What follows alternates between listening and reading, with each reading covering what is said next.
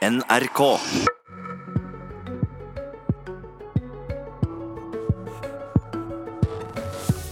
Justisministeren frykter svenske tilstander kan smitte til norske gater, og han lover nye tiltak. Slutt med medieutspill, få heller ut fingeren og legg fram forslag vi kan vedta i Stortinget, svarer Arbeiderpartiet. Og hvorfor er tilliten til norske stortingspolitikere på et bunnivå?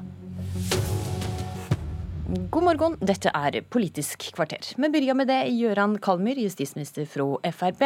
Du mener altså at kriminalitetsbildet i Sverige lett kan smitte over til Norge. Hva tegn er det du ser på at dette kan skje? Ja, det vi ser, det er jo at uh, det er jo, hva skal man si, også i Norge uh, utfordringer, spesielt knyttet til ungdomskriminalitet. Vi ser i likhet med Sverige at uh, de som begår kriminelle handlinger, flytter seg nedover i alderstrinnet. Og Vi ser det at det er antydninger også til gjengkriminalitet i Oslo. Og Dette tar vi på stort alvor. Og vi har et veldig fokus på det. Så er vi I motsetning til Sverige, så er vi, vi er langt unna Sverige. Men, og vi har en god oppklaringsprosent på veldig mange områder som typisk nok Sverige ikke har en god oppklaringsprosent på i politiet. Men vi skal ikke være naive og tro det, at dette er et problem som bare kommer isolert sett til å gjelde Sverige. Det kommer også til å smitte over til Norge. Og Hvis ikke vi da gjør aktive mottiltak, ja, så kan vi få noe som kan ligne på svenske tilstander i Norge. Det kommer til å smitte over også til Norge. Og Hva tegn ser du på det i dag? Ja, vi ser jo ikke så mange tegn på det i dag, men nettopp derfor så har jeg også satt et nasjonalt gjengprosjekt. Og Vi skal ha det første møtet i morgen allerede. Eh, der eh, både Oslo politimesteren og politidirektøren eh, kommer på, til Justisdepartementet for å orientere, og for, å, for, at vi også skal kunne følge med på situasjonen. sånn at hvis det er tiltak vi må gjøre, enten lovreguleringer eller det er ressurstiltak, ja, så står vi i stand til å kunne gjøre det på kort varsel. Og Det er viktig å samle inn etterretning nå fra alle politistasjonene, altså alle politidistriktene i hele Norge.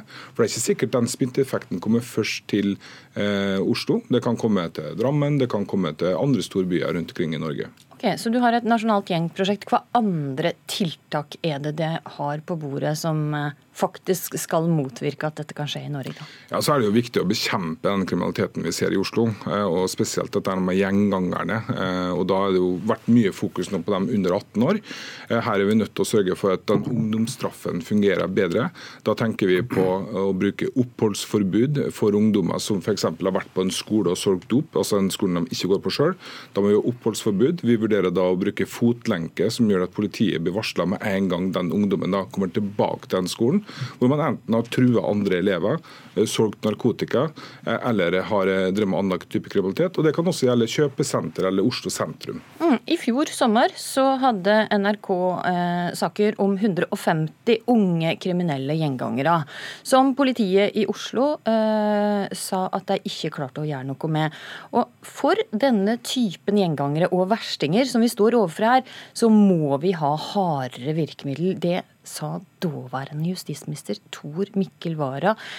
Og han la til at vi hadde dårlig tid. Hva konkret er det som har skjedd på halvannet år siden disse sakene var oppe? Ja, det som har skjedd er at Vi har fått for f.eks. flere plasser for eh, tilrettelagt for ungdommer i fengsel.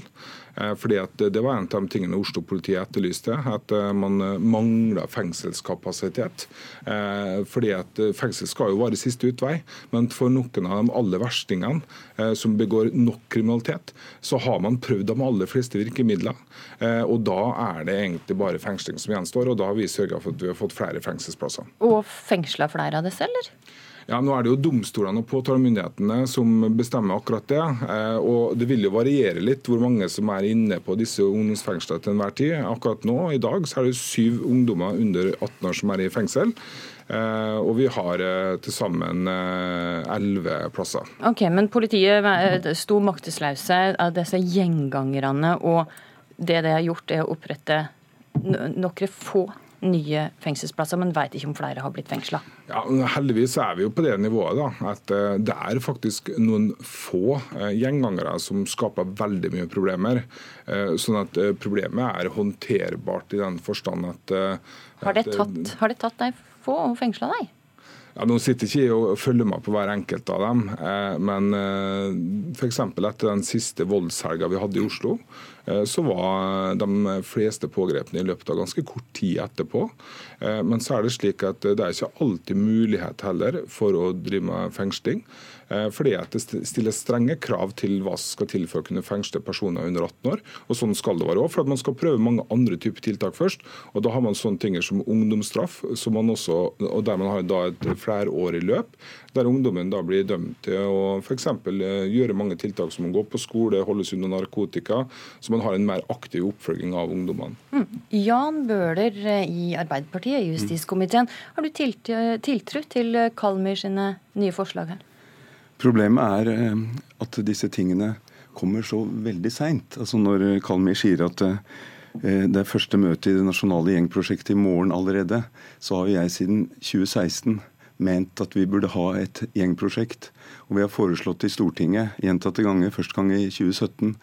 Og det var jo klart etter politireformen at det var en mindre konsentrert innsats mot gjengene. At grepet eh, overfor dem ble sluppet opp. Og Derfor har det nå gått hvert fall tre år siden det behovet har vært åpenbart. Det kom avsløringer i media i gjengsituasjonen i Oslo. Jeg er enig med Kalmyr at vi har en alvorlig situasjon. Det er jo ikke bare snakk om å smitte over fra Sverige, men vi har de facto en situasjon med kriminelle territorier, med at man eh, presser vitner, alle som observerer ting, til ikke å snakke med politiet. At man bygger opp en sånn fuck the police-mentalitet. At man rekrutterer nå mer og mer unge, barn og unge til gjengene. fordi de ikke blir straffa så mye, og fordi at um, de kanskje har mindre terskler for å gjøre ting òg. Så vi har en bekymringsfull utvikling. Vi har besøk fra albansk mafia i Sverige her i Oslo allerede, så jeg er jo veldig enig i bekymringen. Derfor har jeg tatt opp den i tre-fire år. Så min, Det er kanskje litt uvant for Frp at mitt anliggende er jo det at jeg er utålmodig. fordi at uh, sånn som uh, når statsråden sier at han tenker på oppholdsforbud, altså det har jeg tatt opp Eh, sant, fra 2016 med statsrådene. Først på en vennlig måte, og så etter hvert med forslag og sånn fra 2017 og forslag i, i november 2018.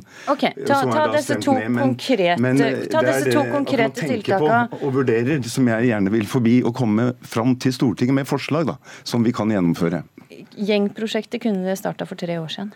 Ja, men Det som er forskjellen på det gjengprosjektet jeg snakker om, og det som Jan Bøhler tar opp eh, Han tar opp et gjengprosjekt i en konkret politidistrikt. Det vi har satt i gang, det er et nasjonalt gjengprosjekt.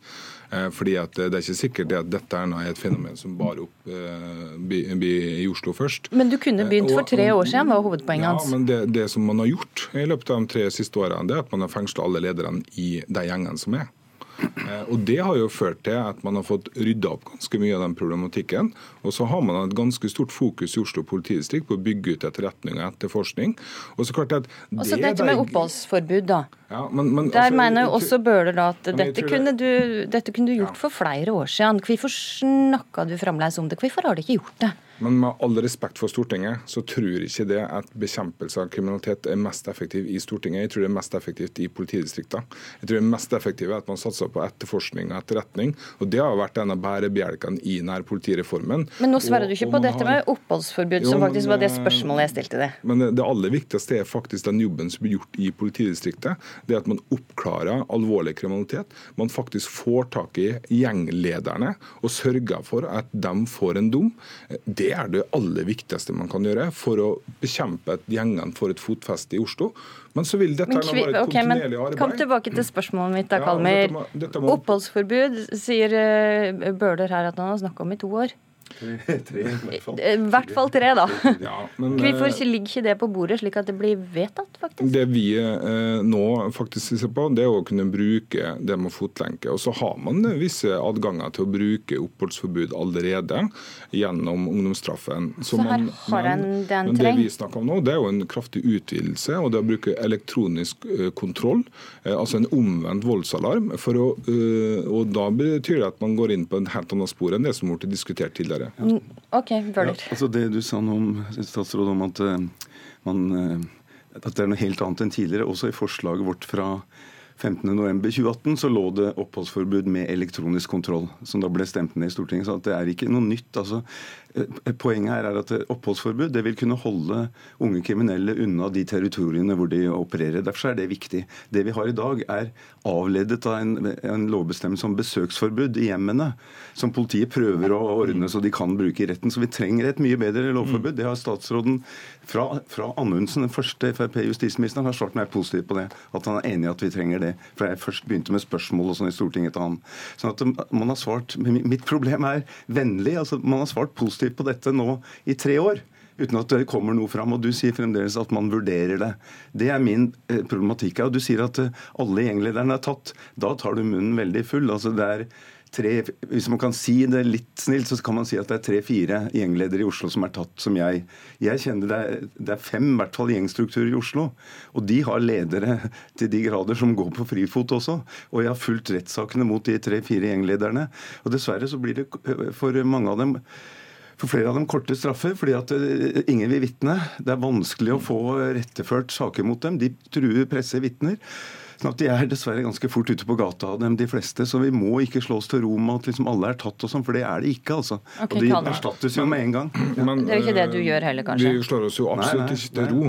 Eh, men eh, som sagt, det at bekjempelse av kriminalitet, det er ikke sånn at eh, man da går ut og så gjør man en jobb, og så er man ferdig med jobben. Kriminalitet det vil alltid dukke opp igjen. Når man har tatt én gjengleder, så kommer det andre gjengledere opp. Og Da er det viktig at man tar dem også. Så dette vil være et kontinuerlig arbeid. Det som er viktig for meg, det er at vi har et uh, politidistrikt i Oslo uh, og et nasjonalt politi som er i stand til å kunne håndtere den nye kriminaliteten som kommer til enhver tid. Uh, og da, Derfor så sier jeg at det aller viktigste vi gjør, det er å sørge for at politiet har etterretning og etterforskningskapasitet, sånn at de greier å ta de folka som er på toppene. og så klart at Det er ikke ting som man da trenger å gjøre nye vedtak i Stortinget for. Det viktigste er ressurssituasjonen til politiet. og Den har denne regjeringen forbedra med flere milliarder siden vi kom inn i regjering i 2013 kort svar på den, Bøhler? Ja, altså det er et spørsmål som politiet har tatt opp altså i brev fra Oslo politidistrikt, brev, til, eh, brev fra Riksadvokaten til regjeringen og til Politidirektoratet, det handler om disse forslagene som vi har fremmet til Stortinget. Og som Frp hele tiden har uttalt seg positivt om. Sånn at eh, mitt, eh, mitt, min kritikk her er det at man ikke faktisk kommer med konkrete forslag på disse punktene. Jeg er enig i at den praktiske jobben gjøres ute i politidistriktene, men en del redskaper mangler de, og de trenger vi eh, lovvedtak om andre vedtak i Stortinget. Okay, kan vi ta, ta, et altså, konkret spørsmål, ta et konkret ja, den 19. spørsmål til slutt, da? 19.9. i fjor hadde justisminister Wara utspillet VG som er likt det som eh, statsråden nå snakker om. altså om at man, Det står at man vurderer lovforbud mot kriminelle gjenger og rekruttere til dem, mm. og man vurderer nye bestemmelser for å inndra pengene deres, for det er jo noe av det viktigste. Ta pengene fra dem. Og mm. gjøre det mulig å ta okay, gjenglederne hvis vi har lovforbud mot virksomheten deres. Når kommer lovforbudet mot uh, forslaget om et forbud mot å være med i kriminelle gjenger? Ja, altså Det jeg har gjort siden jeg startet som justisminister, var å sette ned et eget mm. ekspertutvalg. Når eh, kommer det som, til Stortinget? Eh, som eh, da kommer med sitt forslag i våren, altså til våren. Til så skal våren. vi gjøre Flott, det ganske du. raskt. Ja, det, tar litt, det skal ut på høring, og det er en del prosesser som skal til for å lage en lov. Men, og Det vent, vet Stortinget om også. Du, og Hvis de ikke gjør det på den prosessen, så får de i hvert fall kjeft fra Stortinget. det kan jeg love deg. Du, til slutt, i Dagsnytt i dag så hører du med at tilliten folk flest har til stortingspolitikere er på et bunn nivå. Og ehm, um, Kalmer, hva tror du er årsaken til det? Jeg tror ikke det er flere årsaker til det.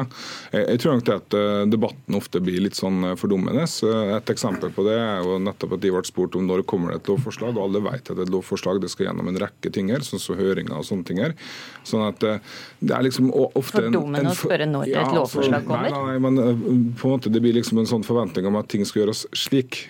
Og så er det en del prosesser som må til for å kunne lage gode lover, f.eks. Ok, Bøhler, hva tror du er grunnen til at folk flest har mindre tillit til stortingspolitikere nå enn før?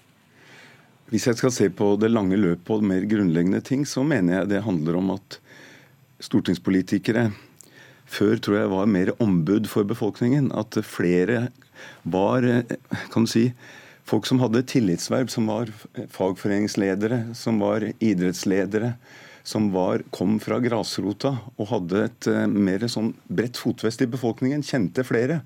Nå er det utvilsomt en tendens til at uh, flere er i ungdomsorganisasjoner, eh, går kanskje har litt utdanning, men går rett inn i politiske verv og har, mangler den, det, det fotfestet i grasrota som jeg tror flere politikere hadde ditt, før. Ditt råd. Eh, du, det takk, tror jeg er viktig. Takk Jan Bøhler og takk Gøran Kalmer. Dette var Politisk kvarter. I studio denne morgenen var Astrid Randen.